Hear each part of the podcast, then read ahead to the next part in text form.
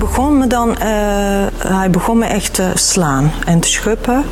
Eh, en wat er dan wel gebeurd was, dat hij mij dan naakt buiten heeft gezet.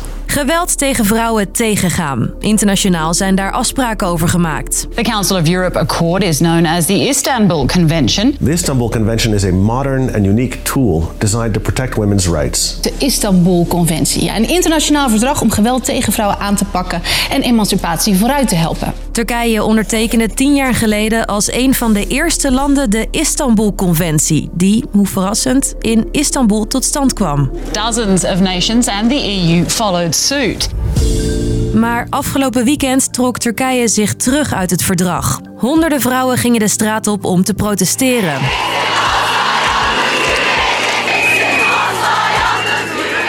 Er is meer onrust rondom het verdrag. Vorig jaar nog maakte Polen bekend uit het verdrag te willen stappen. Waarom staat de Istanbul-conventie onder druk? Ik ben Maxime en ik leg het je uit. Lang verhaal kort. Een podcast van NOS op 3 en 3FM. Op een aantal punten hebben we echt nog wat werk te verzetten, ook qua het verdrag van Istanbul. Het was voor mij heel normaal om, uh, ja, om geslagen te worden en uitgescholden te worden. Het gaat om fysiek geweld, seksueel geweld, psychisch geweld. Ze komen achter je staan terwijl je dat niet wil. Dan proberen ze eigenlijk met je te dansen terwijl je dat eigenlijk helemaal niet wilt.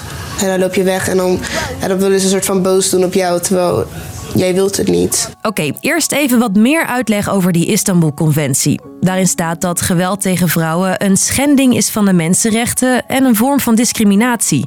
Het is ondertekend door 45 landen, waaronder Nederland en de Europese Unie. Domestic violence or violence against women does not stop at borders. Het verdrag is een juridisch middel. Het moet ervoor zorgen dat vrouwen in de landen die het verdrag goedgekeurd hebben, overal dezelfde bescherming krijgen. De Istanbul-conventie verplicht landen om hun wetten zo aan te passen dat ze in lijn zijn met het verdrag. Bijvoorbeeld, volgens het akkoord moeten verschillende vormen van geweld strafrechtelijk vervolgd worden. Een rechter moet er dan naar kijken. Is stalking, seksueel geweld of een gedwongen huwelijk in een deelnemend land niet strafbaar, dan moet dat land hun wetten gaan veranderen. Goed, je weet nu wat de Istanbul-conventie is. Nu terug naar Turkije. Waarom heeft dat land zich teruggetrokken? Je hoort mijn collega, correspondent Mitra Nazar. Er is vandaag geen officiële uitleg gegeven, maar wat we wel weten is dat de afgelopen tijd een narratief is gecreëerd rondom het idee dat dit verdrag schadelijk is voor traditionele familiewaarden. In conservatieve kring wordt gezegd dat dit verdrag vrouwen aanmoedigt om bij hun man weg te gaan of hun man de deur uit te zetten. Nou zeggen ze dat uh, breekt gezinnen op.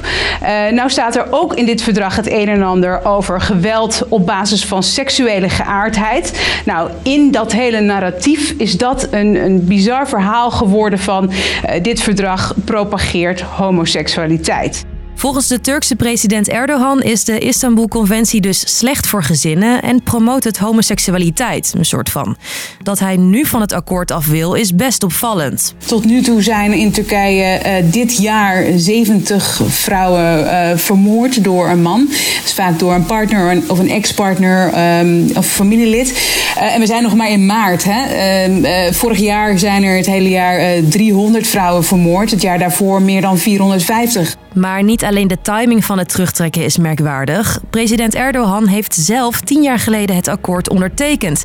En in het verdrag is geen letter veranderd. Maar het benadrukt en laat, laat wel weer opnieuw zien hoe Erdogan als leider van dit land uh, steeds conservatiever is geworden in de afgelopen jaren. En dat zorgt voor wrijving in dit enorm gepolariseerde land. Erdogan vindt het dus belangrijk om zijn traditionelere achterban bij zich te houden. Niet alleen door Turkije staat de Istanbul-conventie onder druk. Ook conservatieve Oost-Europese landen staan er niet helemaal achter. Dat zit zo. Een land kan een verdrag wel ondertekenen, maar hoeft het pas uit te voeren als het geratificeerd is.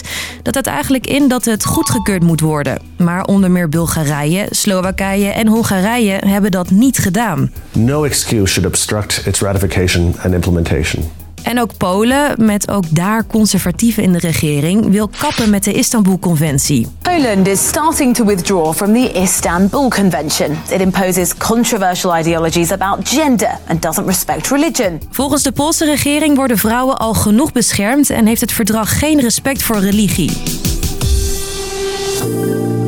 Dus, lang verhaal kort, de Istanbul-conventie is een Europees mensenrechtenverdrag. Het is erop gericht geweld tegen vrouwen te voorkomen en te bestrijden. Maar Turkije is eruit gestapt, waarschijnlijk omdat president Erdogan zijn conservatieve achterban tevreden wil houden. Zoiets zien we ook bij Oost-Europese landen. Sommige landen hebben het verdrag nog niet goedgekeurd en ook Polen wil ermee kappen. Goed, dat was hem weer. Je dosis uitleg voor vandaag. Morgen weer een nieuwe nieuwsgebeurtenis die we hopelijk iets begrijpelijker kunnen maken. Doeg!